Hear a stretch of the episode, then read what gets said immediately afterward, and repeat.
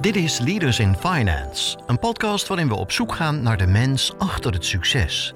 We praten met leiders van nu en later over hun drijfveren, carrière en privéleven. Waarom? Omdat er meer gesproken moet worden in de financiële sector. We willen de partners van deze podcast hartelijk bedanken voor hun steun.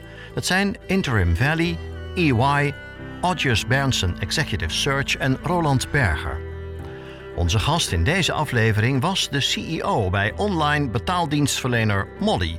Molly, zegt hij in deze aflevering, dat was een avontuur waaraan ik geen weerstand kon bieden. Dus ik dacht, ja, dit is echt wel een avontuur. Dit is, dit is een soort nu of nooit gevoel ook bij Molly.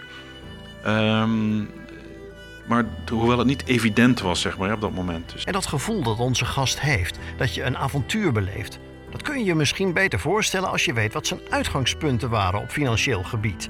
Wat millennials nu al de prehistorie noemen. van iets wat mensen vroeger, ja, gewoon, weet je, stonden checks uit te schrijven bij de, bij de supermarkt, herinner ik me nog. Ook die tijd heb ik nog meegemaakt. Hoor. Iedereen aan het kijken was, heb je er weer zo een. En de levensvragen komen natuurlijk ook aan de orde. Wat onze gast echt wil, wat zijn doel is. Intrinsieke behoefte is er om iets neer te zetten wat er niet was. En ook iets na te laten waarvan je kunt zeggen, dat heb ik gemaakt. Wat zou deze man nog meer te melden hebben? Je hoort het in deze aflevering met onze gast Gaston Ausums. Je host is als altijd Jeroen Broekema. Welkom bij een nieuwe aflevering van Leaders in Finance. Deze week met Gaston Ausums, de voormalige CEO van Molly en tegenwoordig investeerder, non-executive director en adviseur van een grote groep bedrijven en organisaties. Eh, welkom Gaston. Dankjewel. Leuk dat je de tijd neemt om met, eh, met mij en met Leaders in Finance eh, in gesprek te gaan. Ik zal jou kort eh, introduceren en natuurlijk doe ik dat door eerst jouw naam te spellen. Dat is Gaston, G-A-S-T-O-N en Ausums, A-U-S-S-E-M-S. Gaston begon zijn loopbaan bij ABN AMRO en specialiseerde zich in het betalingsverkeer. Hij werkte daarna als consultant bij onder andere PwC, IBM, Clear2Pay en was partner bij Treffer. Ook werkte hij voor de Nederlandse bank DNB aan het nationale programma SEPA Migratie. Vanaf 2013 was hij de CEO van Molly, waar hij in 2020 afscheid nam. Samen met onder andere oprichter Adriaan Mol, Remco Boer en anderen maakte hij van de relatief kleine speler een bekende internationale fintech die de uni- unicorn-status bereikte met een waardering van meer dan 1 miljard. Tegenwoordig investeert Gaston in bedrijven en heeft hij een veelheid aan nevenfuncties, waaronder in de raad van toezicht van Oiko Credit, zit hij in de supervisory board van Jolt, is hij venture partner bij Atlantics Ventures en venture partner bij Antler. Gaston studeerde informatica aan de Universiteit Twente en behaalde later ook nog een MBA in Corporate Finance aan de Rotterdam School of Management. Tot slot, Gaston is 50 jaar, is getrouwd, heeft twee zoons en woont in Bussum. Nou, een hele mond vol, maar we hebben in ieder geval een, een basisbeeld van eh, wie Gaston is. En wat ik jou eigenlijk eerst zou willen vragen is, je bent nu circa anderhalf jaar CEO af bij Molly. En je doet heel veel nieuwe dingen al, ik heb er een paar genoemd. Het zijn nog veel meer dingen volgens mij. Hoe bevalt dat leven Nou, het leven valt goed. Het is, ehm, eh, ik had eigenlijk bij mijn afscheid van Molly ook ehm, voorgenomen wat meer tijd voor mezelf te nemen.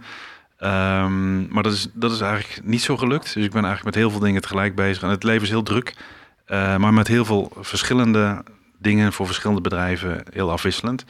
Dus wel heel, ehm, heel spannend. eh, ook midden in het hart van heel veel ontwikkelingen, zoals open banking. Maar ook een aantal dingen die echt aansluiten bij mijn passie. Zoals je noemde net de Raad van Toezicht van Oiko Credit. Dat is een impact investor. Die probeert echt het leven van mensen te verbeteren.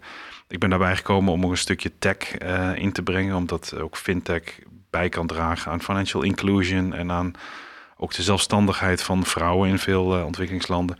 Dus het geeft me ook wel meer ruimte om wat meer ja, dingen terug te geven. En dingen die dicht bij mijn, eh, bij mijn hart liggen te doen. Dus, eh, dus druk, afwisselend, spannend. maar ook mogelijkheden om, om mensen met elkaar te koppelen. En initiatieven met elkaar te verbinden. Dus, dus een heel ander leven dan bezig zijn binnen één bedrijf en dat op te bouwen. Maar niet, niet minder spannend, moet ik zeggen. En ik kan me voorstellen, je leeft naar zo'n moment toe dat je afscheid gaat nemen bij, eh, bij Molly.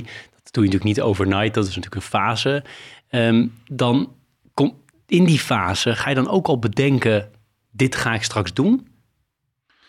Nee, eh, niet. Eh, dat komt ook omdat ehm, eh, Molly was heel intensief. Was een heel ehm, intensief traject. Werd ook steeds intensiever. Eigenlijk omdat van een klein bedrijf van 10 man toen ik startte. Toen ik wegging zaten we denk ik over 300 mensen. En eh, bedienden we eh, inmiddels bijna 100.000 klanten. dat is, daar ben je zo druk mee bezig dat je eigenlijk weinig ruimte ook in je hoofd hebt. Dus eigenlijk was mijn, mijn voornemen ook eerder om ja, gewoon naar dat afscheid toe te werken. Dan ook een stukje ruimte te nemen om je te heroriënteren. En dan ja, opnieuw stappen te zetten. Maar die tijd, ja, die neem je te weinig voor jezelf. Die krijg je ook niet van de wereld. Omdat ja, iedereen ziet dat je, dat je weggaat. Identificeert je ook met een aantal dingen die bij Molly zijn gebeurd. En, en succes, hoewel dat natuurlijk gewoon een team effort ook was. Ja, en, en betrek je bij hun initiatief. En dat is ook ja, heel erg leuk. Dus je, ja, je, je, stapt ook weer gewoon in nieuwe dingen. En um, is dat altijd verstandig? Dat weet ik niet. Misschien moet je ook gewoon uh, voor jezelf zeggen: ik neem wat meer, meer tijd. Uh, maar ik, ik, ik, uh, ik heb dat zo gedaan en ik vind dat, vind dat ook prima. En ik, het geeft me ook heel veel energie, moet ik zeggen. En werd je nou ook benaderd, ik weet niet of je dat wil zeggen hoor, maar werd je nou ook benaderd door echt hele grote um, traditionele financiële instellingen om daar op de boord te komen? Niet op de boord, nee. Um, ik, maar wel uh, in een adviesfunctie, adviesrollen die ik doe. Om, uh, ja, omdat men ja, toch, toch vraagt van oké, je ziet dat financiële instellingen toch zien dat ze een hele markt verloren hebben. Daar ook heel moeilijk een antwoord op hebben kunnen formuleren de afgelopen jaren.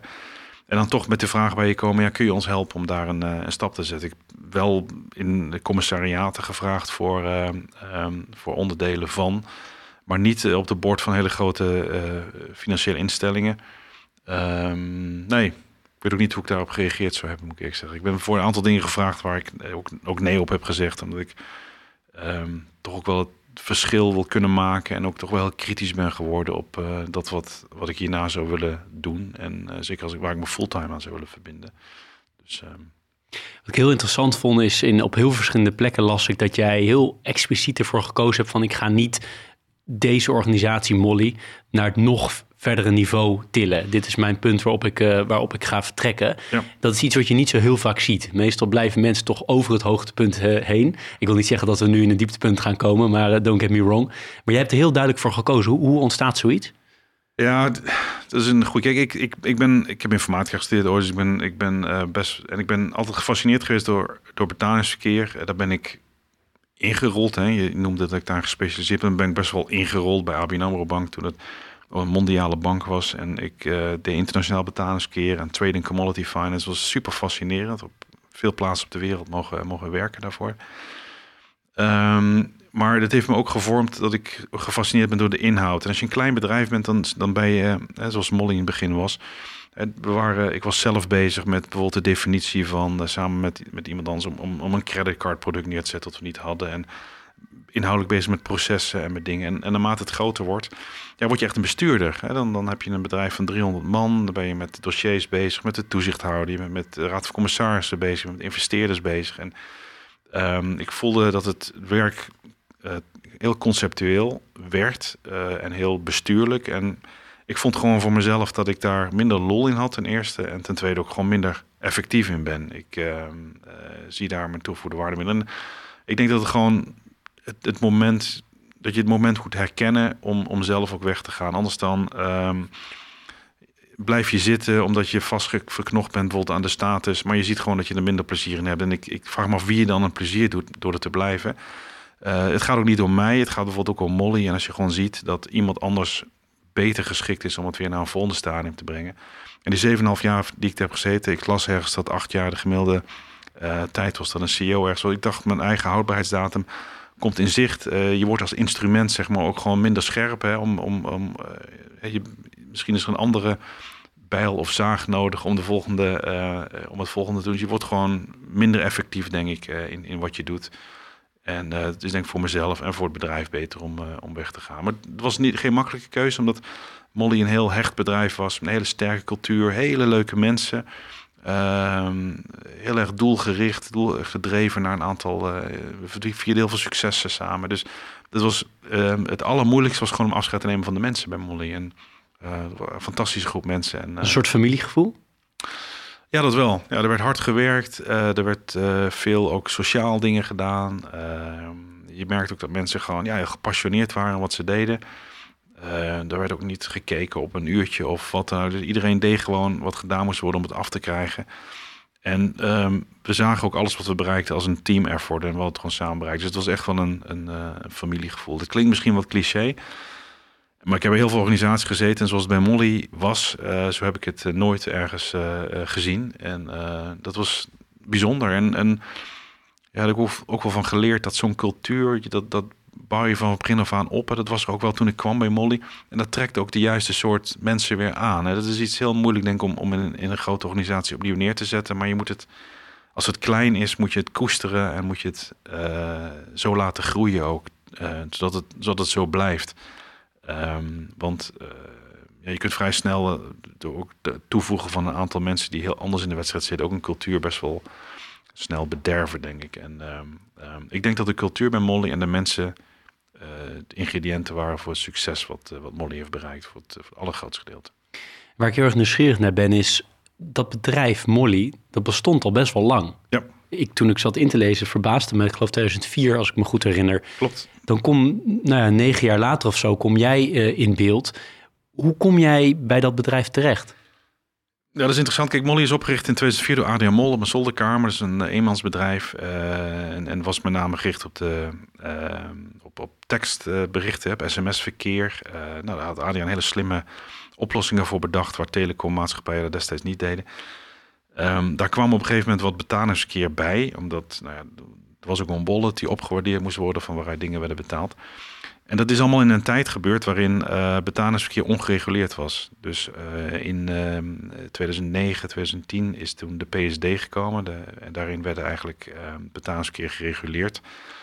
En toen zag je eigenlijk dat het bedrijf wat Molly toen was, dat waren een aantal hele slimme, creatieve uh, programmeurs. Die moesten ineens in het keurslijf van een financieel bedrijf worden geperst. Dus vanuit de toezichthouder van DNB werd ook gevraagd dat er nou ja, aandacht kwam voor risicomanagement, voor compliance, voor het opzetten van wat DNB dan, uh, of wat de wetgever ook noemt, een, uh, een en beheerste bedrijfsvoering. Nou, dat was niet iets wat natuurlijk bij dit bedrijf paste en ook helemaal niet wat bij Adriaan eigenlijk paste. Adriaan is een briljant ondernemer, uh, creatief, enorm netwerk, maar dit is iets wat hem niet aanspreekt. Hij wil gewoon bezig zijn met het bouwen van het bedrijf en um, zoek dan ook, en dat is denk ik ook de kracht van Adriaan, zoek de mensen erbij om dan die delen van het bedrijf te managen uh, die hem minder liggen. Dus nou ja, Molly was bezig met een vergunningaanvraag toen. Het was een wat moeizaam proces. En in dat proces werd ik eigenlijk via een bevriende advocaat die door Molly was ingeschakeld, die ik al lang kende vanuit mijn consultingpraktijk, betrokken bij Molly om, te, nou ja, om eigenlijk te kijken of ik wat kon, kon toevoegen daar. En de eerste vraag van Adriaan, en dat is wel, wel grappig, was eigenlijk om, nou ja, de, maar Adriaan zei ook, ja, het lijkt dat een andere directie komt hier, want uh, dit zijn dingen, de directie die zich ook bezighoudt met de hele breedte van zo'n financieel bedrijf. En dat was minder zijn ding. Dus uh, nou, kun jij niet wat mensen uit je netwerk voordragen? Dus dat heb ik gedaan, wat mensen voorgedragen om directeur te worden en om ook een raad van commissarissen te bezetten. Nou ja, dat, dat liep niet helemaal goed uiteindelijk. Dus uh, nou, Adriaan en, en die directeur die, uh, die destijds gekozen was, die, ja, dat, daar was wat, wat wreving tussen. Um, maar goed, vanuit DNB zei wel, ja, wie wordt nou die bestuurder hier? Dus toen zei Adriaan, ja, wil jij dat niet gaan doen? Dus was ik een beetje overvallen door die vraag. En, uh, ik die kwam, zag je totaal niet aankomen? Die zag, nee, totaal niet aankomen. En ik kwam ook net uit een directeursfunctie bij, uh, bij een consultingbedrijf. Uh, ik dacht, ja, ik vind het eigenlijk wel leuker om gewoon... Hè, ik was bij DNB inhoudelijk uh, wat dingen te doen. Ik werkte ook bij DNB toen, hè, dat was ook een beetje raar. Want ja, kun je dan directeur worden hier. Maar ja, je kunt niet directeur worden bij een toezichthouder... of bij een onder instelling... en tegelijkertijd bij de toezichthouder werken. Dus dat was een beetje een moeilijk construct toen... Maar goed, ik ben toen, toen eens op kantoor gaan kijken bij Molly. En ik heb met die mensen gesproken. Dat zat toen nog in de buurt van het Vondelpark. Iedereen die daar werkte, dat was echt... Dat was een soort bruisende... Ik, ik was een saaie consultant met een pak aan... die bij alle grootbanken rondliep. En bij DNB. En ik kwam daar op, op een bruisende organisatie... van mensen die gewoon echt alles wisten van e-com... en van, van merchants en van... Nou ja, echt de meest fantastische bedrijven bedienden. Facebook was toen een van onze grootste klanten uh, toen we kwamen bij Molly. Alle betalingen via Molly die lopen in Nederland... Het was gewoon een fantastisch bedrijf. En ik zag gewoon ook dat daar heel veel kennis was van, uh, van e-commerce. En ik kennis kon inbrengen van, van betalingsverkeer, van de achterkant van de bankaire wereld, van regulering, van toezicht, van dat dingen. En dat paste heel mooi op elkaar. Dus ik denk, ja, is eigenlijk wel... Waar dit avontuur naartoe gaat, weet ik niet. Het was toen een vrij klein bedrijf. Ik kende Molly ook helemaal niet voordat ik er kwam. Uh, maar ik zag wel de, de potentie, ik zag de mensen, ik zag de energie. Ik zag Adriaan, ik zag wat ik zelf kon toevoegen. Ik denk, ja, weet je, soms moet je ook gewoon het avontuur maar aangaan. En toen was je begin 40, hè? even een beetje beeld, uh, zoiets ja, denk ik. Ja, het was ik begin 40. En nou ja, die mogelijkheid was voor mij ook gewoon om te zeggen, ja weet je, we gaan dit gewoon doen. En nou ja, dat, dat, dat hebben we gedaan. En um, het, het, het, uiteindelijk is Molly een heel groot succes geworden, maar dat was absoluut niet evident in het begin. Uh, het, we zaten in het begin in een situatie dat uh, Molly een tijdje stil had gestaan, doordat die vergunningsaanvraag vrij moeilijk liep. Dat vergde heel veel aan procedures en aanpassingen binnen Molly, waardoor de productontwikkeling vrij stil was komen te staan. Dus uh, we moesten eigenlijk dat bedrijf weer een nieuwe kickstart geven. Uh, en de producten waren, liepen wat achter bij andere bedrijven. Dus het was allemaal, het was allemaal niet evident. De toezichthouder vond het allemaal. Hè. DNB vond toen dit soort bedrijven heel moeilijk. Hè. Die waren gewend toezicht te houden op grootbanken met, uh, met mensen die daar ja, gewoon dezelfde taal spraken als DNB op het gebied van compliance, die de wetten kenden. En nu kregen ze daar een hele, een hele set van, ik geloof destijds waren er al 40 PSP's of zo, van bedrijfjes bij die klein waren, die, die heel anders omgingen met, met de regels, die ook niet de capaciteit en de mensen en de investeringen hadden om op dezelfde manier compliant te zijn. Dus DNB zat ook te worstelen met, ja, weet je, wat moeten we hier nou mee? Ja, en daar, nou ja, daar kozen wij als Molly voor om DNB daarin, zeg maar, ook ja, een open, transparante relatie mee op te bouwen. Hè. Waar zitten wij nu mee? Waar worstelen wij nu mee? Wat, hoe ziet onze business nu eigenlijk uit? DNB begreep ook niet goed wat onze business was. Want uh, ja, weet je, jullie zien jullie klanten nooit, alles is online, dus dat is per definitie allemaal hoog risico. Nou, wij uitleggen dat iemand die sokken verkoopt vanuit zijn zolderkamer niet per se hoog risico is. Dat klinkt allemaal heel simpel, maar dit, dat is echt een heel andere business. Dus we hebben nou ja, ook die toezichthouderrelatie moeten, moeten inrichten, ook heel veel moeten investeren daarin. Um, en we hebben die producten verder opgezet. Uh, we hebben een buitenlandstrategie ontwikkeld. En uh, nou ja, uiteindelijk ging dat, ging dat groeien. En ik denk dat, um, ja, dat, dat een aantal dingen die we denk ik, uh, we hebben heel fouten gemaakt. Hè. Dat, er is ook een boek over verschenen, ook in de vorige. Maar we hebben heel veel dingen denk ik ook goed gedaan door heel erg op de cultuur van Molly te letten. Heel duidelijk focus te houden op bepaalde klantengroep. Heel product gecenterd te blijven heel veel partnerships op te bouwen. En um, uiteindelijk is dat wonderwel um, um, heel goed gegaan. En... Je wilt nog even naar dat moment dat jij instapte. Je bent dus wel als ondernemer ingestapt. Je hebt wel meteen gezegd van ik wil ook graag dan een stukje van het bedrijf. Uh, nee. nee, dat heb ik niet gezegd. nee, dat heb ik niet gezegd. Dat is later gebeurd. Hè, dat, ik, uh, dat Adriaan vond ook uh, dat, nou ja, dat, dat een directeur ook een stukje van het bedrijf zou moeten doen. heb ik ook geïnvesteerd in Molly. Maar ik heb wel eerst een, uh, ik denk dat dat een jaar of twee was nadat ik begonnen was, toen we dat hebben gestructureerd. Ik heb wel uh, eerst ben ik gewoon ingestapt om gewoon uh, ook voor mezelf te kijken van oké, maar weet je, dit is zo anders voor mij. Um, gaat dit werken? Kan ik hier waarde toevoegen? Kan ik dit laten groeien? Dat was eigenlijk helemaal niet mijn eerste gedachte om te investeren. Ik wou gewoon kijken of ik hier waarde kon toevoegen en of dit bedrijf weer de groei kon terugvinden die het daarvoor ook had voor die hele vergunningsperikelen.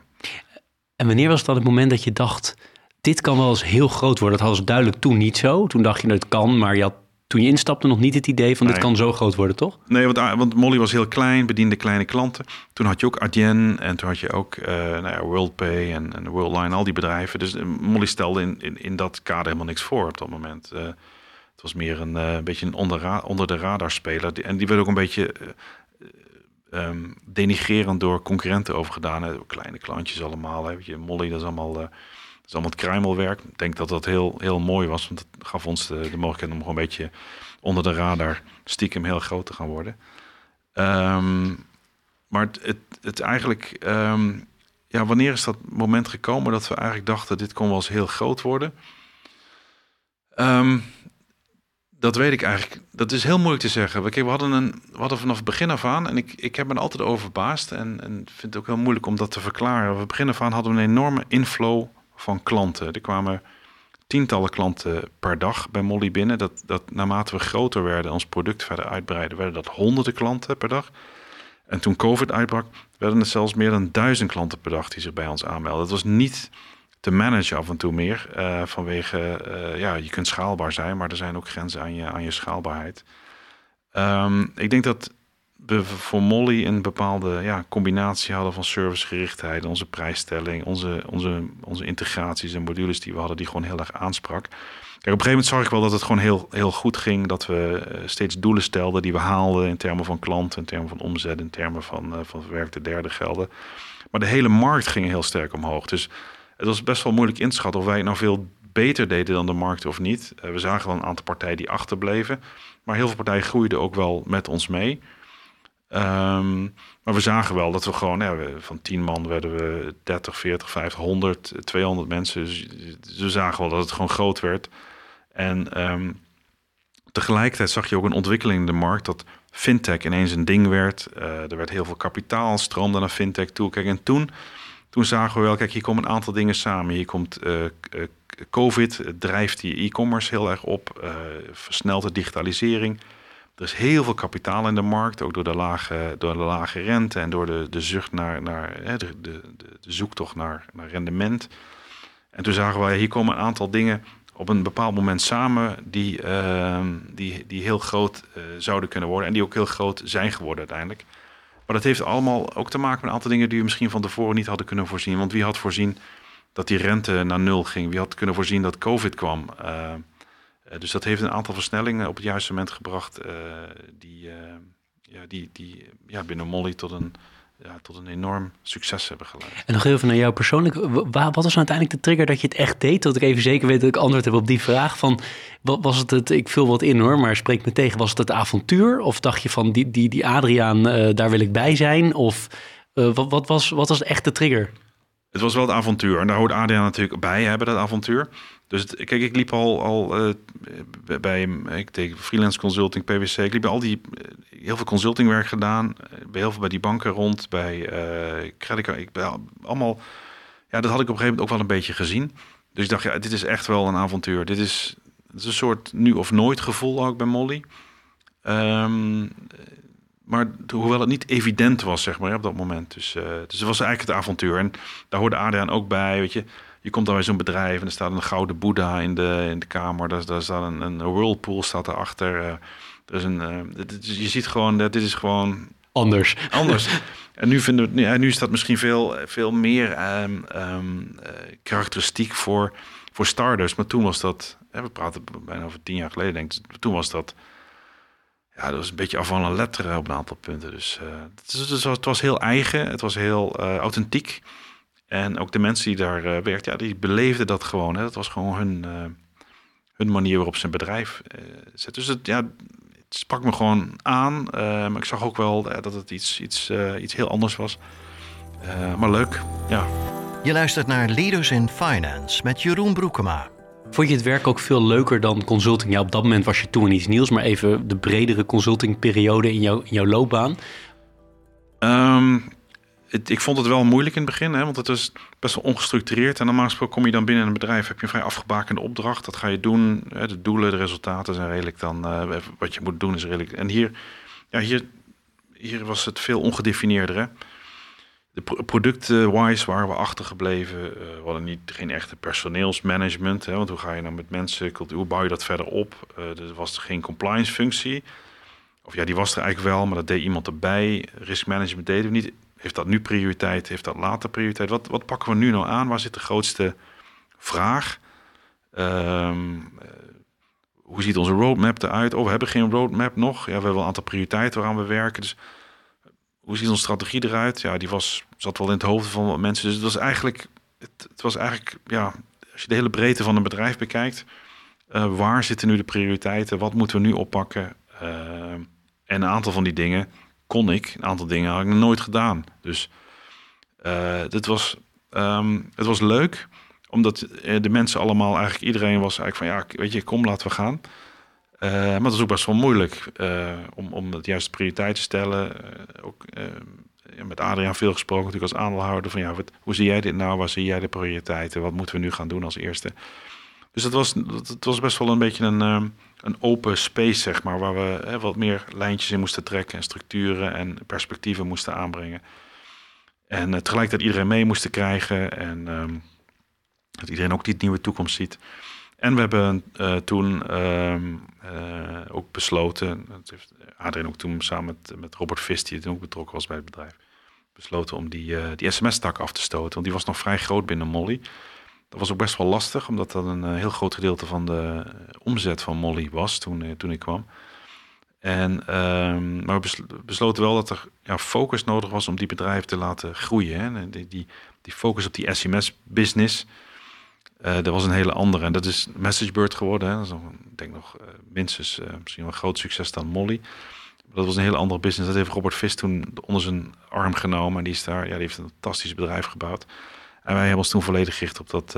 dus ook een stukje focus aanbrengen. Wat best wel moeilijk was, omdat die sms-business, volgens mij was dat de helft van de omzet van het bedrijf. En, en terwijl het nauwelijks kosten meebracht, want het was een running business. Dus we hebben die omzet weggehaald en die kosten bleef bestaan, waardoor het hele bedrijf qua uh, winstgevendheid in elkaar kukelde. En daarnaast, wat ik zei, we hadden ongeveer 30% van ons volume was destijds Facebook. En Facebook, die deden wij via een, Amerikaanse PSP die zelf de kaarttransacties verwerkte, maar voor ieder land een, een, een partner PSP had. En voor, voor Nederland was dan Ideal via Molly. Maar dat bedrijf in Amerika verloor Facebook volgens mij aan Adyen, geloof ik. Dus onze hele volume, 30% droogde ook nog eens een keer op. Dus we zaten echt, het was niet... Over welk jaar hebben we het nu ongeveer? Nou, dus het was in 2013, 14 denk ik. Dus het was geen, ja, die start was niet van uh, rechte lijn omhoog, hè, die hockeystick. Dat was, dat, er waren serieuze problemen. Het was op zich ook al een probleem dat we natuurlijk 30% van onze omzet uit één land haalden. Uh, maar uh, toen ik wegging was dat volgens mij 2% of minder. Dus die diversificatie heeft wel echt plaatsgevonden. Maar, um, maar het was best wel een bumpy, bumpy ride in het begin. Um, maar jij hield er dus wel vertrouwen in. Je hebt nooit gedacht, ik ga weg. Nee.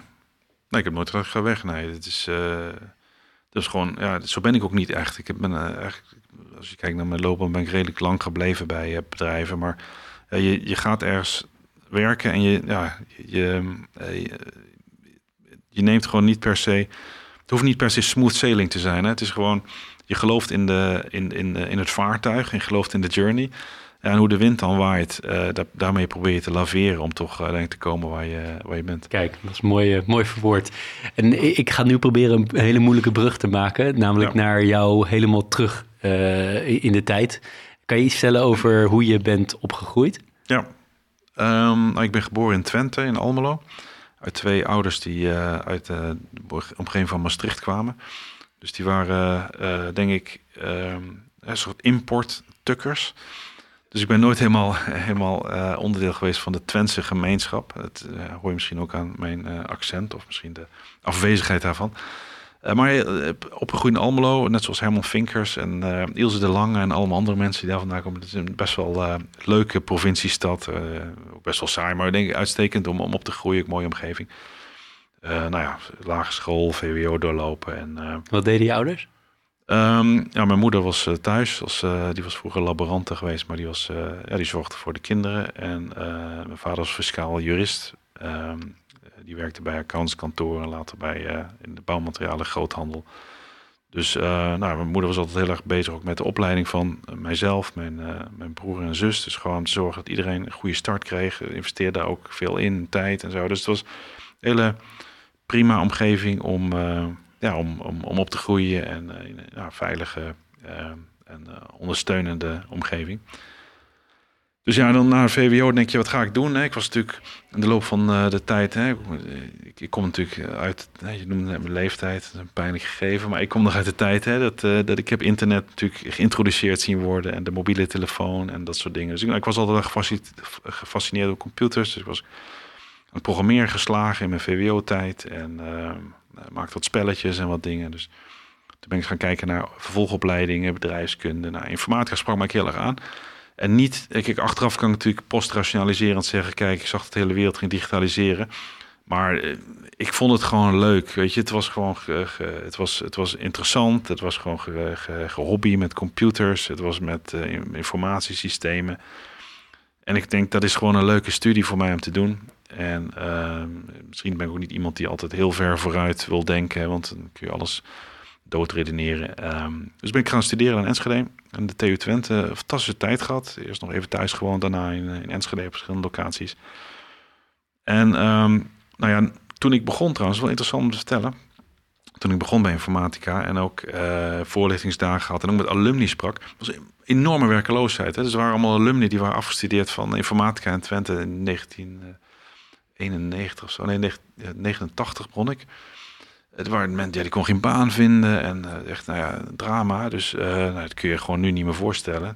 En naarmate ik die studie uh, volgde en voortgang maakte, ja, trok die markt enorm aan. Er werden, kreeg je die indianenverhalen die je nu ook weer hoort. nu dan wat minder, maar toen had je de sollicitatiegesprekken bij de autodealer. En dan kon je dus, als je aangenomen werd, kon je krabbel zetten en kreeg je meteen de sleutels en kon je met je, met je leasewagen wegrijden. Nou, echt bizarre tijden. Uh, maar goed, naarmate ik die studie volgde, toen uh, uh, werd ik ook betrokken bij de studievereniging. Ik was daar penningmeester in bestuur. En ik merkte gewoon die financiën, die financiële kant en die informatica kant. Dat is eigenlijk wat me heel erg aansprak. Ehm, en, en, het was voor mij heel logisch om daarna bij een bank te gaan werken. Dat, nu ligt dat wat minder voor de hand, hè, maar toen had je toen waren het echt de banken of de Shell, uh, weet je, IBM. Of je, daar ging je voor dat soort bedrijven gingen mensen liefst werken. En ik, ik was zelf, uh, ik vond ABN een fascinerende bank. Het was toen een bank, een bank die al 100 jaar bestond, die in 60, 70 landen zat destijds. En via mijn professor kon ik daar een interessante baan krijgen bij, bij een afdeling die informatiesystemen ontwikkelde voor het buitenlands kantoornetwerk. En dat vond ik eigenlijk super interessant. Dus ik ontwikkelde systeempjes. Als eerste nog een systeem voor, uh, voor Denemarken. En ik, nou ja, mocht ik naar Kopenhagen om daar twee weken te zijn om dat systeempje te implementeren. Dat wisselde betalingen uit met andere banken. Dus dat was, hè, daar begon het eigenlijk al. Daar was ik eigenlijk meer toevallig ingerold. Nou, daarna andere systemen ontwikkeld en uh, toen overgestapt naar meer een business divisie van ABN. En nou, heel veel in Azië gewerkt aan, aan systemen voor internationaal betalingsverkeer, aan trading commodity finance. Dat was een fantastische tijd. Veel gereisd, uit een koffer geleefd. Um, ook heel goed begrepen hoe dat werkt, die wereld dan van, uh, van banken, van, uh, van, ja, van informatieuitwisseling, van uh, de complexiteit van systemen daar ook. Dat is echt een ongelooflijk mooie tijd. Dat is heel mooi om te horen. Je gaat wel heel snel door je jeugd en dan in één keer ja. naar je studententijd, in één keer naar ABN AMRO. Nog even tussendoor. Um, jij, jou, jouw studententijd. Ja. Hoe, was dat heel hard studeren? Was dat heel veel feest? Was het iets ertussenin? Hoe, hoe typeer je het? Nou, er was eigenlijk wel iets tussenin. Kijk, Enschede is niet zo'n feestenstad, zeg maar. Uh, en zo'n uh, studentenverenigingsstad als uh, bijvoorbeeld Leiden of Delft dat is. maar goed, in het begin studeren, studeerde ik vrij hard. Dus die eerste jaren ging vrij goed. en daarna werd ik lid van die studievereniging en, en zat ik daar ook in het bestuur. Ja, en dat was, het, dat was, nou, dan gingen we altijd naar staan we ook bij dat altijd naar bestuurswissels van en de rest van uh, die besturen nodig elkaar uit. Dus gingen we naar Delft toe. En dan gingen we daar naar de, zelfs naar de mijnbouwvereniging. Gingen we, hè, het waren allemaal besturen aanwezig bij bestuurswissels continu. Dus naar Leiden, Amsterdam, uh, Groningen, overal waar we naartoe. Dus we waren continu op pad. Zaten we, hadden we nog zo'n OV-kaart toen van uh, meneer Ritsen. Een hele, zaten we wat studeren in die trein. Kwamen we ladderzat terug uit dat was best wel een, intensieve tijd. Ook in Enschede zelf uh, waren we bezig met introductiefeest om nieuwe studenten. Dus naarmate de studie vorderde, werd het allemaal wat minder uh, uh, studie gefocust en wat meer gefeest. En ook naarmate je leeftijd vorderde en je wat meer van het leven wou zien. Dus was een, ik, ik heb daar een hele mooie tijd gehad. En ook die, hele campusomgeving daar in Enschede. Maar ook de, de hele de, de universiteit, het ondernemende en alles, dat, dat sprak heel erg aan. Um, dus ik kijk terug op een, op een echt een fantastische tijd daar uh, uh, die ik heb gehad. En toen je begon, zei je, was eigenlijk informatica een ticket naar werkeloosheid bijna. Ja. Wat vond, zeiden je ouders daar iets van?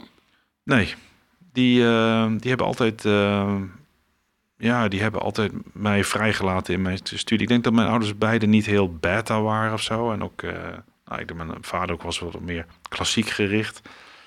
maar die hebben altijd gewoon volledig de keus gelaten om de dingen te doen die, uh, die, die ik en mijn broer en later ook mijn zus gewoon vonden dat bij hunzelf paste.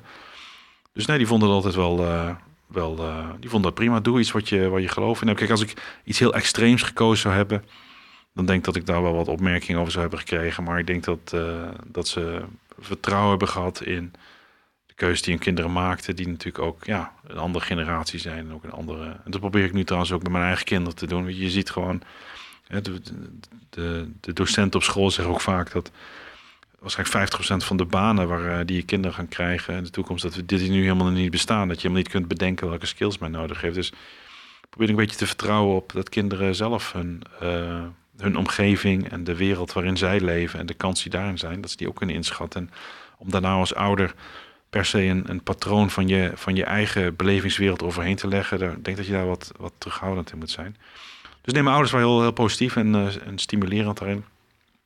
En uh, ja. En heb je nog cruciale uh, mensen gehad tijdens je middelbare school of je jeugd of misschien al tijdens je studententijd die jou een bepaalde richting in hebben gestuurd of waarvan je iets hebt gehoord of geleerd dat nou, die een bepaalde impact heeft gehad op je, op je keuzes? Uh, nou, ik had een hele leuke professor, uh, Stef Joosten, op de universiteit. Die, die was heel ondernemend en die was vooral bezig met bedrijven, met, met daar projecten doen, met ook afstudeerders, zeg maar, toegepaste projecten te laten doen. Dus die, heeft, ja, die, die, die, die had uh, projecten met, met destijds ben afgestuurd op, op, op workflow management. En die, die was heel erg stimulerend ook. En die legde ook de contacten met bedrijven om, om, om studenten te laten, laten uitstromen. En die, ja, die, die, die was gewoon, stimuleerde die altijd naar ondernemerschap en naar, naar jezelf ontwikkelen toe. Dus dat, dat, herinner ik me wel als een, als een hele positieve factor. Ja, en als je eenmaal werkt, zeg maar, dan kom je ook ja, vaak mensen tegen die je, die je op andere ideeën brengen of die je horizon verbreden. Maar of er nou specifiek iemand kan benoemen, niet zozeer. Um, ja, naarmate je ook jezelf ontwikkelt, kom je ook weer met nieuwe mensen tegen. Ga je, die, die laten weer nieuwe dingen zien. Maar ik heb niet echt een soort mentor gehad die tijdens mijn leven continu um, even de, de pijlstok erin stak en, en dan samen bepaalde wat de volgende stap zou moeten zijn. Je luistert naar Leaders in Finance met Jeroen Broekema. Ik zat een beetje mee te schrijven, maar dus informatica toen je eraan begon, was het eigenlijk niet een studie waarvan je zegt dat is heel uh, sexy om te gaan doen, want het ah. kan uh, niet per se tot banen leiden. Bij, um, bij, bij Molly was ook zo'n uh, zo, zo'n punt. Waarvan je, toen je begon, daar was het eigenlijk ook nog niet zo'n heel erg spannend, spannend gebeuren. En uh, dat gebeurde dus eigenlijk bij ABN AMRO in betalingsverkeer ook. Dat je eigenlijk zat op een plek die ook niet zo spannend was. Maar alle drie werden ze wel spannend. Ja, ik vond ze interessant. En um, alle, al, die, al die dingen die je noemt. Ik vond het gewoon... Ik, en ik denk dat dat ook een beetje... Ehm, misschien wel karakter... Ik, ik kies vaak voor de dingen die, gewoon, die mezelf aanspreken. En dan... Um, uh, heb ik, uh, heb ik geluk gehad dat ik die keuzes ook hebben geleid tot succes. Heb ik daar zelf aan bijgedragen? Ja, weet je, dat is niet aan mij om dat, om dat, om dat uh, te oordelen. Maar um, ik, ik heb sowieso, weet je, ik heb sowieso veel, veel geluk gehad in de keuze die ik heb gemaakt. En hoe die ook aansloten bij hoe de wereld zich ontwikkeld heeft. En uh, zo'n keuze voor ABN AMRO destijds, heel veel geleerd. Zo'n keuze naar, daarna naar PwC. Maar zo'n keuze voor Molly was niet, lag niet per se voor de hand. En er was ook, ook toeval dat ik daarbij betrokken werd. Dus ja, weet je, je moet ook gewoon erkennen, denk dat uh, je leven bestaat ook uit, uit, uit, uit deels een gelukfactor, deels hard werken, deels uh, rationele keuzes maken. En uh, dit heeft allemaal heel goed uitgepakt. En uh, ja, werkzaam zijn in betalingsverkeer en alles daaromheen, dat, is, uh, dat, dat heeft een, een, hele wonderlijke evolutie doorgemaakt de afgelopen twintig jaar. Dat is bizar, van, ja. van iets wat mensen vroeger, ja, gewoon, weet je, stonden checks uit te schrijven bij de, bij de supermarkt, herinner ik me nog. Ook die tijd heb ik nog meegemaakt, waar iedereen aan het kijken was, heb je er weer zo een. Tot um, ja, dat men nu gewoon, weet je, dat je het de, zonder betalen ergens wegloopt. En alles wat, dat, dat, dat je hele leven daar op een andere manier door wordt gefaciliteerd. Dus dat is. Uh...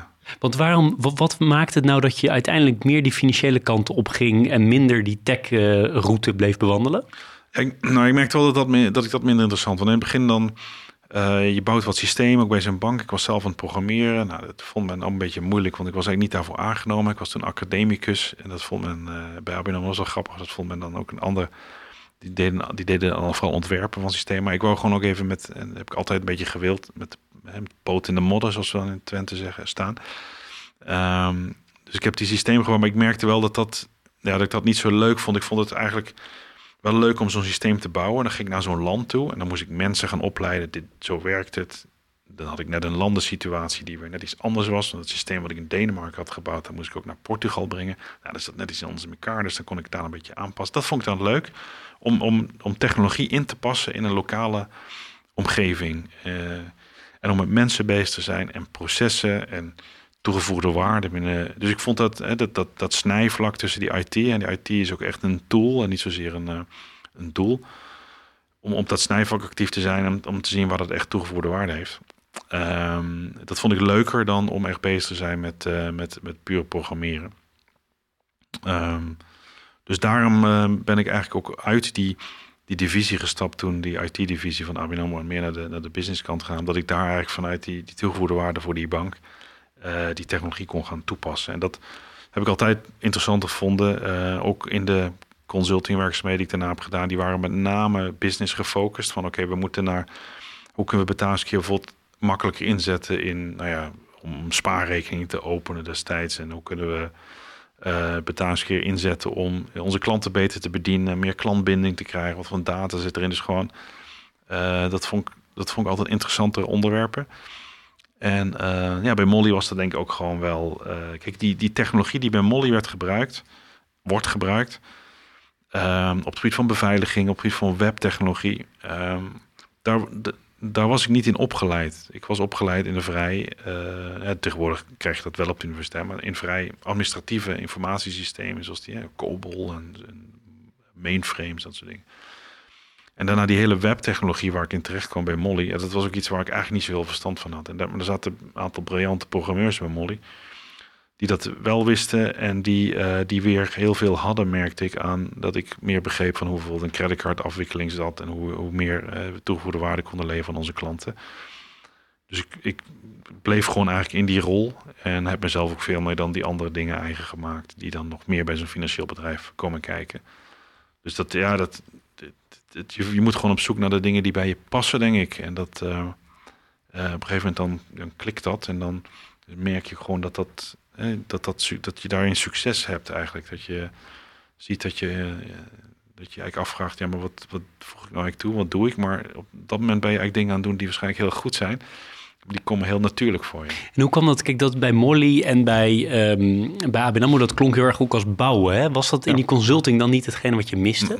Uh, je, ja, ik denk het wel. Kijk, ik, ik, in de consulting, en ik merk dat bij ook met veel andere mensen die in de consulting werken, die spreekt die die, die, dat, na een aantal jaren, dan is het toch van ja, je komt binnen in zo'n bedrijf, je doet iets en je gaat weer weg. En soms is dat doen iets, iets bouwen, soms is het een rapport in de la, soms is het een, een, een, wijziging die weer wordt teruggedraaid of iets wat project wat mislukt. En iedereen, mensen hebben toch, weet je, het, het to live, uh, learn en uh, leave a legacy en love, weet je, dat soort dingen. Mensen missen dan toch dat, dat, dat lieve legacy. Heel veel mensen die in de consulting werken, gaan dan uiteindelijk toch vast bij bedrijf werken of ze gaan tegenwoordig een onderneming starten. Je ziet toch dat die intrinsieke behoefte is er om iets neer te zetten wat er niet was. En ook iets na te laten waarvan je kunt zeggen, dat heb ik gemaakt. En dat, ik merkte dat bij mezelf ook wel. En ik merkte ook bij mezelf, eh, omdat ik ook grotendeels voor mezelf werkte binnen die consulting dat, is, dat er een de schaalbaarheidsissue. Hè. Op een gegeven moment heb je, uh, zeker omdat in betalingskeer vrij veel gebeurde, had ik altijd naar opdrachten. Op een gegeven moment denk ik, ja oké, okay, het eind van het jaar trek je een streep onder. Ik heb iedere werk, werkzaam uur ongeveer wel gewerkt en uh, in rekening gebracht. Ja, kan niet meer doen dan dit. Hè. Dus de schaalbaarheid is gewoon nul. Uh, ik heb een beetje maximum bereikt van, van dit. Dus ja, toen zijn we ook een eigen consultingbedrijf begonnen om dat wat meer te schalen. Maar, maar je wilt gewoon, dus ik wil dat dan wilt gewoon verder, je wilt gewoon door, je wilt gewoon schalen, je wilt iets opbouwen. Ja, want waar komt die drive? Hè? Want je hebt een enorme drive. Waar, waar komt die, uh, waar, hoe verklaar je die, zeg maar? Waar komt die vandaan?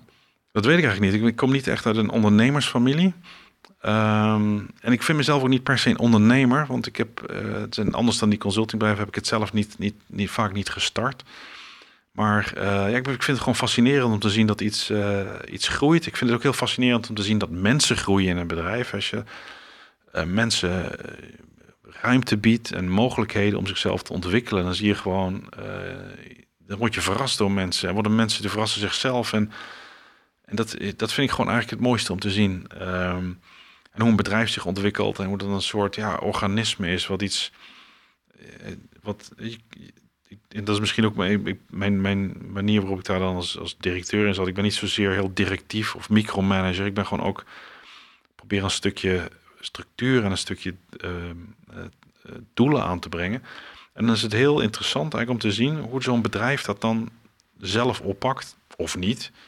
Waar dat wat sturing behoeft, maar hoe dat bedrijf zelf invulling geeft aan, aan die doelen uiteindelijk. Hoe, hoe mensen dat oppakken, hoe mensen dat op een andere manier invullen dan je dat misschien zelf had bedacht. Maar veel beter, omdat ja, die mensen wel veel meer weten van de processen waarop zij zitten of de afdeling was waar zij, voor zij verantwoordelijk zijn. Ik vind dat gewoon fascinerend. Het, het- ja, die drive, ja, ik weet niet precies waar dat vandaan komt, maar ik, ik eh, heb dat, als je het eenmaal hebt gezien, hoe dat, hoe dat werkt, hoe dat mogelijk is en hoe je samen met andere mensen iets kunt opbouwen en eh, hoe je samen trots kunt zijn op wat er staat. Dat is gewoon eigenlijk, dat is, dat is, eh, dat is een on, onvervangbaar gevoel, zeg maar. Dat is, dat is, dat is ongelooflijk. We hebben met Molly zo vaak dat we, tegen, dat we bijvoorbeeld met het bedrijf, we gaan, we willen een miljard euro aan betalingen verwerken. Iedereen elkaar aankijken van, joh, weet je, het heeft hij gedronken vandaag. Hè? Dat was toen we vrij klein waren. En dan, dan, dan vertaal je dat samen met mensen door. Maar wat betekent dat nou voor jouw afdeling? Wat betekent dat nou voor de producten? En ehm, nou ja, op een gegeven moment was het dus gewoon zo dat we, waren vrij klein begin, maar dat we in, volgens mij was ergens in oktober van enig jaar, dat we in dat jaar tot, tot oktober hadden we een miljard euro. Stonden we met een glas champagne in de handen, iedereen samen. En niemand vroeg zich meer af, niemand vond het meer een krankzinnig doel. Iedereen zag, oké, dit was het doel, dat hebben, eh, hebben, hebben we in deze stukjes hebben dat eh, opgebroken. En daar hebben we allemaal ons ding gedaan. En dan bereik je gewoon iets waarvan je negen maanden geleden dacht, of tien maanden geleden, dat kan gewoon niet. En zo hebben we continu die doelen gezet en continu zijn we met het bedrijf verder. En dat, dat is een soort ja, enorm fascinerend iets waar mensen ook gewoon, ja, ja, sommige mensen haken af trouwens, die vinden dat niks, maar heel veel mensen die omarmen dat. En als je ook onderdeel laat zijn van het succes, van het succes van het bedrijf, dat is, dat, dat is ja, voor mij is dat, is dat eh, fascinerend. En dat is ook iets wat we denk ik bij Molly heel sterk hadden. En wat ik, ja, wat, wat ik ook heel moeilijk vond om achter me te laten. Ik zeg. Dus, eh, maar wat, het wat, geeft ook een kick, denk ik, hè? dat geeft een enorme kick. eh, en dat geeft ook aan dat het gewoon, ja, weet je, je kunt gewoon dromen. En je kunt dromen ook dan gewoon bereikbaar maken. Door het gewoon om te zetten. Ja, het is een beetje cliché, maar om te zetten in plannen. In, in, in kleinere doelen. Om mensen verantwoordelijkheid geven voor die doelen. Ze daar ook op afrekenen en belonen. En dat je gewoon, ja, dat je, dat je zelf verbaasd kunt zijn. Dat, dat mensen zichzelf kunnen verbazen. Maar als je als bedrijf kunt zeggen, kijk, dit is gaaf. En ehm, waarom denk je dat sommige mensen afhaakten? De meeste were joining the bandwagon, om even in het Engels te zeggen. Maar waarom denk je dat sommige mensen afhaakten? Ehm, nou ja, niet iedereen is daarvoor. Kijk, ja, er zijn mensen die, die, die, die dit ook, ook heel interessant vinden. en Ook iets willen. Maar je hebt ook gewoon mensen die zijn wat meer risico-avers. Oké, eh, ik vind het niet haalbaar. Ik word wel op afgerekend. Ik durf die uitdaging niet aan. Ik zoek meer iets wat. eh, ik wil gewoon. eh, ik wil gewoon 9 to 5 en daarna wil ik geen gezeur. En s'avonds wil ik gewoon. Dat is prima. Ik heb daar geen oordeel over. Maar dat zijn niet zozeer de mensen die je voor zo'n bedrijf als deze dan kunt gebruiken. Ja, je moet, maar dat is ook waar ik in het begin eh, eigenlijk zei, je moet eh, heel selectief zijn in, in de mensen die, je die je kiest. En ik denk dat dat, als je een bedrijf bouwt en groeit, en dat zie je denk ik ook terug in het boek wat, eh wat Remco Boer geschreven, dat het, het selecteren van mensen is eigenlijk het allermoeilijkste van, je, van het bouwen van een bedrijf. Om die juiste mindset te hebben, die juiste cultuur te blijven bouwen, waar iedereen bijdraagt, iedereen elkaar stimuleert. Eh, en daar, hebben we allerlei fouten natuurlijk gemaakt. Ehm, ehm, Maar gaf het jou, toen je begon, eh, nog één eh, vraag daarop doorstellen. Gaf het jou bepaalde rust? Ik neem aan dat je in die consultingtijd ook als partner van, die, van het bedrijf en eh, bij die grote consultingpartij het aardig had verdiend waarschijnlijk. Dat je dacht van nou weet je, ik kan dit ook wel een tijdje doen en als het dan niet lukt, dan heb ik in ieder geval nog wel een buffertje en dan ga ik wel weer die wereld in. Jawel, ja, dat, dat wel. Ja, precies. Ik, ik, was, ik zat altijd vol met werk. Hè, en ik, ik, had, ik heb als consultant nooit enige acquisitie gedaan. Dat was ook omdat de betalingskeerwereld een beetje een kleine, ons kent ons wereld is. Dus dat, dat komt allemaal eh, op een of andere manier wel bij je terecht. eh, En bij anderen. Ehm, maar ik dacht inderdaad bij mezelf, ja, ik kan altijd terugkeren in. Het is een unieke ervaring. En eh, ik had ja, inderdaad de nodige financiële buffers opgebouwd om niet zorg te zijn. En mijn vrouw die had een vaste baan, die, die, die, die vond het ook niet onoverkomelijk dat ik dit avontuur aanging. Dus, eh, dus dat was, de, de omstandigheden waren er wel. Maar of als de omstandigheden er niet waren, of ik dan niet had gedaan, dat weet ik trouwens ook niet hoor. Maar eh, Laten we niet gaan postrationaliseren. Ik vind het een mooi woord wat je hebt ingebracht in deze, deze podcast. We hebben ook altijd een pleaser en een teaser. Eh, eerst even de teaser. Ik heb opgeschreven partijen als Arjen en Molly. Die hadden nooit eh, die schaal die ze nu bereikt hebben, het zijn natuurlijk echt giants geworden in betalingsverkeer, hadden ze nooit kunnen bereiken als ze, ze hadden nooit uit een bank voort kunnen komen.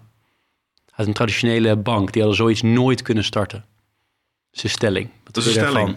Ehm, eh, ik denk dat dat, dat dat klopt. Ja, ik denk dat dat klopt. Ehm, ehm, het, het- de, de mindset die erin zit, ook het, het, het, het durven nemen van, van het risico, maar ook het, eh, de, de cultuur die je ervoor nodig hebt. Ehm, kijk, dat is eigenlijk ook een bericht, eh, ook een discussie die ik met banken een aantal keer heb gehad. Ehm Adyen en Molly, eh, als ik dan, Molly ken ik dan goed, maar Adyen natuurlijk wat minder, maar de vraag is ook of dat financiële bedrijven zijn. Het zijn, het zijn eigenlijk techbedrijven die begrijpen heel goed hoe een merchant, hoe e-commerce, hoe dat soort processen lopen. En het financiële stuk is meer faciliterend aan wat ze eigenlijk doen. Hè? Die customer experience eh, heel goed krijgen. En een discussie die ik met banken heb erover, ik zeg van ja, weet je, dit, het, is niet, financiële mensen gaan niet zomaar een PSP opzetten. Ja, je kunt eh, acquiring van Ideal en, en, en creditcards kun je wel goed krijgen. Maar hoe zorg je dat je onderdeel wordt van het ecosysteem van een merchant? Hoe zorg je dat je een consument eh, een betaalpagina voorschotelt die gewoon logisch is, die gewoon goed werkt, die hoe zorg je dat zo'n merchant een aansluiting heeft bij zijn, bij zijn back-office? Het, het zijn allemaal dingen die niet noodzakelijk bij financiële bedrijven terechtkomen. Dus ik denk dat dat, dat is ook wat ik helemaal in het begin ook zei. Die kracht van Molly was ook dat die, dat die zaten helemaal in dat, dat ecosysteem van die merchants. Die begrepen dat helemaal. En dat ze een financieel bedrijf waren, dat, had, dat had eigenlijk de wetgever bedacht. Niet, dat waren ze, hadden ze niet zelf bedacht. Dus een bank die dan zelf een PSP opzet, die heeft, moet gewoon hele andere mensen aan gaan nemen. Dus, die, dus het- ja, kan het, natuurlijk kan het, hè, want een bank is ook slimme mensen en een hoop geld, maar, maar dan moet je echt hele andere dingen gaan doen. En ik vraag me af of een bedrijf zomaar hele andere dingen Ja, gaat wat ik doen. vind heel interessant, hè? want je zou op een bepaald moment hebben natuurlijk de raden van bestuur van de grootbanken gezien dat de Argents van deze wereld, eh, Molly, Stripes, eh, whatever, eh, in verschillende eh, customer doelgroepen waar ze zitten, dat die groot begonnen te worden. Die werden groter en groter en groter. Dan zou je zeggen, je kan ook een, een, een tech iemand aannemen en een Gaston aannemen en eh, een beetje apart zetten en het opbouwen. Of zou dat niet lukken? Ja, dat zou op zich wel lukken, maar ik moet ook een beetje voorzichtig zijn. Want ik, ik eh, doe ook wat advieswerk voor grote banken natuurlijk. Maar ehm, ehm, je merkt dat er een, een, een vrij sterke ehm, neiging is om dingen zelf te gaan doen. Hè? Wel eens een IT-manager van de bank tegen me gezegd... ja, ik heb hier 1400 IT'ers zitten, die moet ik aan het werk houden. Zeg maar, misschien is dat niet helemaal het kennis en de skills die je nodig hebt om, eh, een PSP te bouwen. Eh, Banken doen heel veel dingen zelf continu. En ehm, ehm, uiteindelijk eh, zouden ze verstandig gaan doen om ook eh, tijdig eh, te herkennen waar bepaalde ontwikkelingen naartoe gaan en daar een, een talentvolle speler in te kopen. Ehm, Of zal het andersom zijn? Zullen de Argents en Stripes van deze wereld, die nog een maatje groter zijn dan, de, dan Molly, zullen die niet eh, uiteindelijk ook een bank kopen en veel meer, of, of feitelijk zelf een groot bank worden? Hè? Ze zien ook steeds meer producten zijn ze aan het toevoegen aan de leenkant bijvoorbeeld. Nee, nee, dat zie ik echt niet gebeuren. Nee, kijk, die, eh, het- ik denk dat onderdeel van succes is gewoon focus. Hè? Dus heel goed doen waar je, waar je goed in bent. Je ziet dat, dat die PSP's, hè, dat bij Adyen ook, die zijn wat aan het uitbreiden en de value chain, dus wat, eh, wat meer eh, eh, werkkapitaalkrediet, dat soort dingen gaan doen. Dus ze kijken heel duidelijk naar van, ik heb die doelgroep, die heeft een bepaalde behoefte en die probeer ik verder te faciliteren. Kijk, een, een, een grootbank heeft een hele brede klantgroep om te, te bedienen en heeft ook een maatschappelijke functie. Hè. Je ziet ook dat de politiek dwingt banken ook om aanwezig te blijven. Kleine dorpjes, betaalautomaten, dwingen om betaalrekeningen beschikbaar te stellen aan naar bepaalde bevolkingsgroepen. Dus je, het is ook, banken zitten ook niet in een makkelijk vaarwater. Hoor. Die, hebben, die hebben heel veel maatschappelijke druk. Die hebben het nou, in 2008, 2009 heel erg fout gedaan. Dat app nog steeds na. Die kunnen eigenlijk niets goed doen. Eh, het is allemaal wetgeving die hun allemaal klein houdt en moeilijk en dat soort dingen doet. Ehm, eh, dus dat, dat wil je als, dat, dat, dat wil je als, als een agent niet importeren. Kijk, sowieso is het voor. Kijk, wij hebben als Molly ook nooit echt interesse gehad in de aankoop van andere PSP's bijvoorbeeld. Want je bent heel erg productgefocust, tech gefocust. En dan breng je een ander platform, en een andere cultuur en andere, andere mensen in. En dan, dan, dan is de kans van slagen. Nou, je weet zelf bij, bij, eh, bij fusies en overnames is helemaal niet zo hoog. Je bent een jaar lang bij je bezig met met het werk daaromtrent, met een platform integreren, met producten. Nou, Zo'n platform misschien wel allemaal uitzondering gemaakt voor bepaalde klantgroepen. Die moet je dan in jouw base brengen. Terwijl bij Molly alles gewoon simpel en one size fits all wouden hebben. En krijg je cultuur van andere mensen. En dat is gewoon, past gewoon totaal niet bij het DNA, DNA van, van, uh, van Molly in ieder geval niet. En uh, bij Agen ook niet, want ik las het uh, artikel van het, met Pieter van der Does. Die zei ook overnames, dat, dat is niet ons ding. En dat begrijp ik 100%. Dat is, dat is afleiding, dat is kapitaalvernietiging. Um, dat werkt niet. Helder, helder standpunt. Aan de pleasende kant, uh, lees je graag boeken en heb je bepaalde boeken die jou erg aanspreken?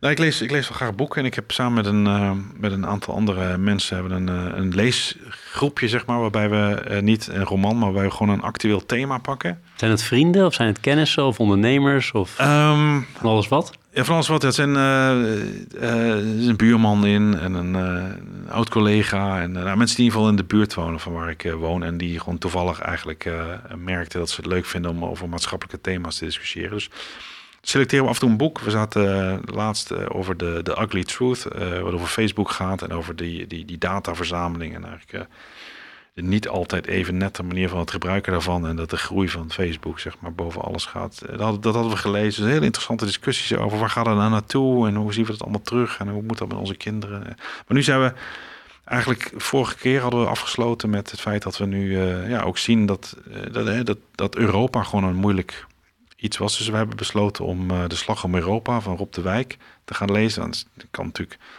niet actueler zijn dan nu, maar hoe, uh, ja, hoe Europa ook uiteengedreven wordt door, nou, destijds door Trump, die daar zijn, zijn bondgenootschappen eigenlijk uh, doorbrak. Hoe China probeert uh, ja, meer als een soort windgewest te zien. Hoe Poetin de NAVO en, Europa uit elkaar drijft. Nou, je ziet natuurlijk wat er nu gebeurt in de Oekraïne.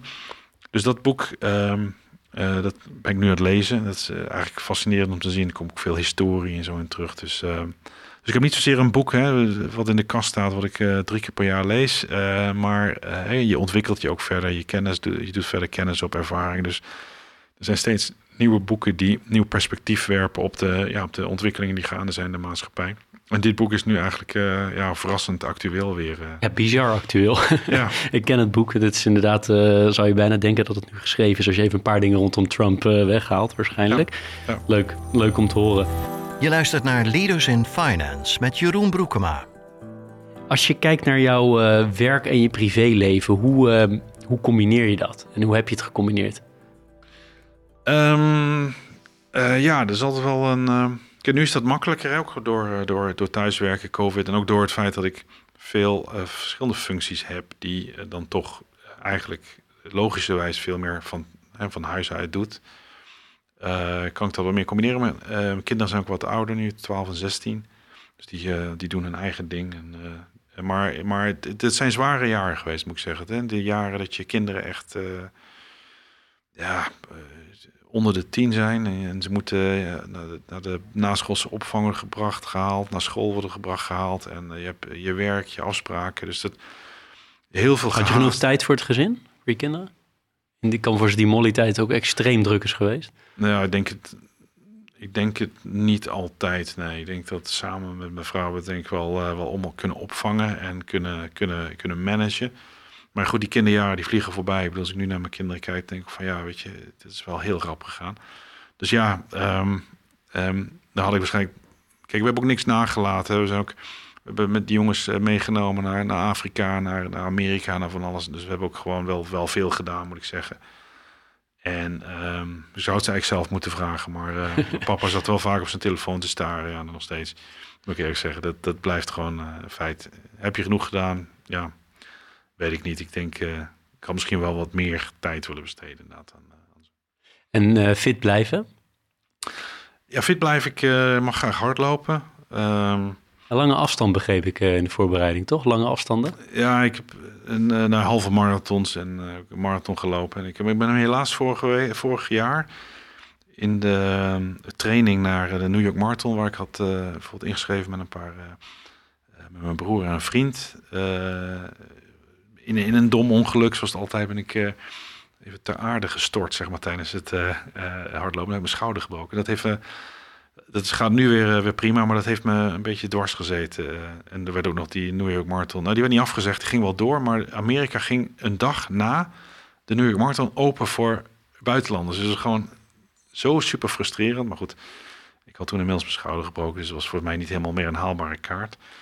Maar ik vind dat uh, hardlopen leuk en om te doen. En ehm, ja, lange afstanden, ja, wat is lang? Hè? Je verlegt steeds je grenzen. En, ehm, maar nu moet ik weer een stukje beginnen met opbouwen. Dus dat, dat vind ik leuk om te doen. Um, dus dan blijf je een beetje actief. Ik heb iedere gast tot nu toe, uh, 100 mensen, gevraagd wat, ze, wat ze aan tips hebben voor starters op de arbeidsmarkt. En dan met name in de financiële dienstverlening mag ook breder dan dat. Ja, ja vind, ik, vind ik best wel een lastige vraag. Kijk, net wat we tijdens het gesprek hè, bespraken, waar, waar je ook op doorvroeg, was van ja, maar weet je, hoe heb je dan die keuzes gemaakt en, en waarom? Maar ik, ik zou echt, ja, dat klinkt een beetje uh, triviaal, maar uh, kies vooral met je hart. Kies niet zozeer van oké, weet je, ik wil dit zijn, ik wil dat zijn, ik zie dat succes, ik zie Elon Musk, ik zie.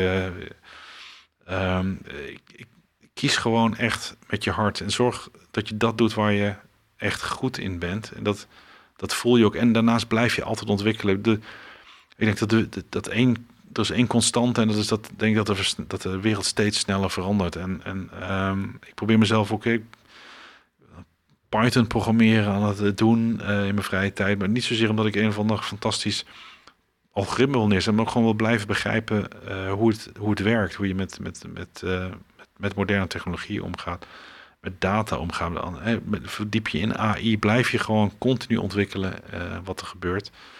Um, ook al liggen de banen nu voor het oprapen, ook al weet je, blijf, zorg gewoon dat je je blijft ontwikkelen en kies met je hart uh, datgene wat je wil doen. En uh, zelfs als dat rationeel, zoals misschien hè, bij Molly starten, rationeel niet de meest logische keuze was. Op, luister gewoon, voel gewoon, oké, dit, is, dit is goed. En mocht het niet uh, zo uitpakken zoals je had vermoed, dan heb je in ieder geval een fantastische ervaring opgedaan. Je bent uh, na Molly, misschien daarvoor ook al, maar zeker na Molly uh, gaan investeren ook in bedrijven. Ja. Uh, doe je dat op grote schaal? En, en wat ik nog interessanter vind, hoe kies jij uit waar je in investeert? Ja, um, grote schaal. Ja, wat is grote schaal? Ehm, ik, ik, ik, denk dat ik een bedrijf of vijf heb geïnvesteerd. Um, hoe, hoe, kies je dat uit? Dat zijn eerst de dingen die op je, hè, op je pad komen. Bijvoorbeeld, nou, je had, je had een, in een vorige uitzending had je Koen Thijssen van Insify. Nou, die heb ik in de Molly-tijd ontmoet. Dat is echt een fantastische ondernemer en een fantastisch mens ook. En uh, je praat met het, met, je, het is natuurlijk een beetje het cliché, hè? het gaat om, om, om het idee en het gaat om het team. En uh, klopt het idee? Is, is die markt groot? Is dit idee baanbrekend? Kan dit schalen? En wat voor een persoon zit erachter? Heeft hij, heeft hij, uh, zit hij juist in de wedstrijd? heeft hij al eerder iets gedaan wat hierop lijkt? Ehm, en dan, dan is het leuk om. En wat ik daarnaast belangrijk vind, is kan ik zelf iets toevoegen. Hè, om, zeg maar ergens te investeren en dan uh, over een paar jaar te horen of het succesvol is geweest. Ik wil graag zelf betrokken zijn. Dus uh, kan ik iets doen? Kan ik mijn netwerk inzetten? Kan ik uh, de ervaring van het schalen bij Molly eventueel gebruiken? Um, en ik weet ook dat het allemaal geen smooth ride is continu. En, maar maar hè, zijn ondernemer heeft ook problemen. Ik, ondernemers spreken gewoon die, die, die, die zitten met stock option programma's, hoe met personeel. Het is leuk om daarover mee te denken. En om ze een stuk versnelling te geven, dat ze niet dezelfde leercurve door moeten die we bijvoorbeeld bij Molly hebben gehad, een aantal punten. Dus, dus mensen, uh, dus, dus uh, idee, team, eigen toegevoegde waarde. En, um, dus jij doet, jij doet geen investeringen waarvan je ziet van, uh, ik noem maar wat Adriaan Mol, die investeert in iets. Uh, Gaston vindt het leuk om even mee te doen dat je eigenlijk haast niet weet wat het is, maar je investeert financieel. Nee, zo niet. Nee, dan, dit kan wel gebeuren wat je net zegt, want uh, Adriaan die, die, investeert ook veel in, in dingen en die, uh, die doet me wel eens wat, wat dingen aan de dan, dan kijk ik ernaar en dan wil ik gewoon hè, dezelfde, met dezelfde criteria. natuurlijk, als iemand er investeert waar ik echt vertrouwen in heb, dan gaan een aantal beslissingen wat makkelijker. Um, maar goed, maar in grote schaal, kijk, dit gezegd hebbende, ook rond mijn eigen betrokkenheid, is, is grote schaal daarmee al een beetje uitgesloten. Want ja, als je gewoon betrokken wil zijn bij dingen, dan kun je gewoon niet, hè, dan eh, je je tijd maar één keer besteden. Dus uh, ik heb eigenlijk besloten dat er directe investeringen, dat ik die naast wat ik nu heb gedaan bij een aantal kleine bedrijven niet meer doe. Dus ik heb een aantal, uh, doe ik wat investeringen in. bijvoorbeeld in een, in, een, in een private equity fonds die fintech oplossingen voor Zuidoost-Azië doet. Die gevestigd in Singapore vind ik gewoon heel erg leuk. Je ziet ook die markten, je ziet hoeveel mensen underbanked zijn. En dan, ehm, dan is het ook leuk om daar misschien af en toe bij betrokken te raken. Maar, maar dan kies ik wel sectoren uit die gewoon, waar ik in geloof, die ik ook begrijp. begrijpen vind ik wel belangrijk, want ehm, heel veel dingen kunnen heel erg interessant lijken. Ehm, maar ik weet bijvoorbeeld van betalingskeer dat het best wel ingewikkeld is. Dat er best wel veel uh, komt kijken op het gebied van compliance en regelgeving. En bij sectoren die je niet kent, je weet niet wat je niet weet. Dus dan, dan heb je soms een verschrikkelijk verkeerd beeld van de kansen in zo'n. Uh, je weet ook niet wat er al is geprobeerd, wat gefaald is. Ehm, dus ik probeer wel dicht te blijven wat ik ken en weet, want uh, anders dan gaat het snel. Schoenmaker blijft bij je leest. Zie jij jezelf, uh, als jij gevraagd wordt om nog eens een keer CEO te worden van een, uh, van een grote betalingsclub ergens in de wereld, of anderszins zie je jezelf nog echt in de executive rol ook stappen een keer? um, jawel, jawel. Ja, dat, dat zie ik nog wel als het als de aantal componenten kloppen, zeg maar, dan zie ik me dat nog wel doen. Ja, ja ja, een jaar geleden had ik nee gezegd. Maar nu... Uh, Wat heeft de verandering veroorzaakt? Ja, dat, dat komt ook wel door die portfolio van activiteiten die je hebt. Hè. Dan, dan, je, je doet overal, voeg je wat toe. En um, dat je toch, eh, toch liever misschien die, die, die, die, die dedicatie, fulltime, om echt iets neer te zetten en te veranderen. Je merkt altijd dat je, ja, je, je voegt wel iets toe aan, aan bedrijfjes, maar maar ook de ads, diezelfde drang weer van ik wil iets neerzetten, ik wil iets, iets laten groeien, iets doen. Dat heb ik toch minder als je een investeerder bent en je, je hebt af en toe eens een vergadering of je hebt af en toe. Dus die, het blijft misschien toch wel die drang om iets neer te zetten en iets, uh, iets te presteren. Maar er moeten wel een aantal dingen samenkomen. Er moeten wel echt, wel, wel, echt groeimarkten zijn. En er moet echt een, een, bedrijf zijn wat niet per se waar alles klopt, zeg maar, maar wel waar ik het gevoel heb dat de kern gewoon deugt. Uh, en niet dit in de kern gewoon niet, niet oké is. Zeg maar. daar, daar heb ik niet zo'n behoefte aan. Helder. Mooie, mooie antwoorden allemaal. Uh, tot slot, uh, Gaston, heb jij nog iets waarvan je zegt... Jeroen, jammer dat je het niet hebt gevraagd. Of dat had ik heel graag wel willen delen. Dat heb ik nu niet gedeeld. Nee, nou goed, ik, ik, ik vind het wel leuk om uh, misschien nog even in te gaan op mijn werk bij Oico Credit. Uh, niet, het is een Credit is een co coöperatie van, van, van leden die samen iets van 1,2 miljard bij elkaar hebben gebracht om, om echt mensen, het leven van mensen te verbeteren in de wereld.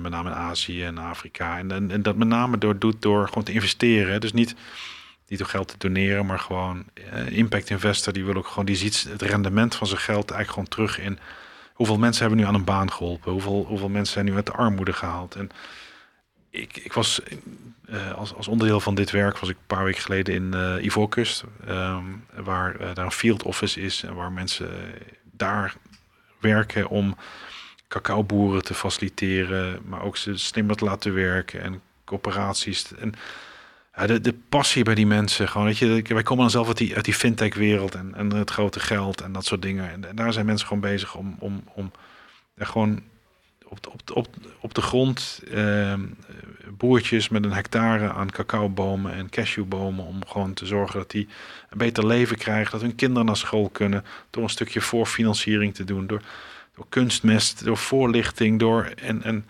ja, dat, dat heeft me wel geraakt, zeg maar. De, en, ook dat, hoe technologie daar een rol in speelt. In plaats van dat iemand vanuit een coöperatie die de cacaobonen heeft verkocht naar ons in het Westen, uh, met een brommertje uh, cash geld gaat afleveren. Gewoon een, een, een mobiel, uh, een wallet openen en geld sturen naar boeren in, in het binnenland die dat dan ook kunnen besteden in hun dorpje. Zorgen dat het schoon water is, dat er elektriciteit is. Gewoon integraal kijken naar hoe kunnen we het leven van mensen verbeteren.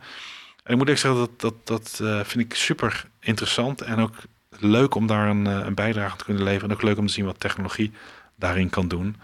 En uh, ik zie dat ook wel als onderdeel van ja, wat ik bij Molly heb mogen ervaren en wat het me heeft opgeleverd. Om nu de tijd, de ruimte en ook de financiële middelen te hebben om uh, iets terug te geven. En dat te doen in, in zo'n rol bijvoorbeeld voor zo'n organisatie. En met zulke mensen te mogen werken, vind ik eigenlijk, um, um, geeft heel veel voldoening. En vind ik echt heel erg mooi. Mooi, mooie toevoeging. Ja, ik kan me helemaal voorstellen dat je ook echt ook daar weer je kennis kan en je ervaring kan inzetten, maar dan weer voor een heel ander doel. Leuk. Ik ga je heel hartelijk bedanken voor de vele tijd die je hebt genomen. Ontzettend leuk. Volgens mij hadden we zo nog een uur kunnen doorpraten. Want uh, er is eh, heel veel interessants bij jou. Maar ik denk dat we tegelijkertijd ook heel veel wel gecoverd hebben. Um, namens uh, Bocca Koffie, een B Corp gecertificeerd bedrijf. Bied ik je straks nog een, een, bedankje aan voor je, voor je tijd die je in de Leaders in Finance hebt gestoken. nogmaals heel erg bedankt voor je, voor je tijd. Dankjewel. Dit was Leaders in Finance. We hopen dat je deze aflevering met veel plezier hebt beluisterd. We stellen je feedback erg op prijs. Wat houdt je bezig en over wie wil je meer horen? Laat het weten via een Apple of Google review. Dat kan ook via de sociale media kanalen of direct via een e-mail. We kunnen het enorm waarderen als je dat doet. Tot slot danken we onze partners voor hun steun. Dat zijn Interim Valley, EY, Odgers Benson Executive Search en Roland Berger. Bedankt voor het luisteren.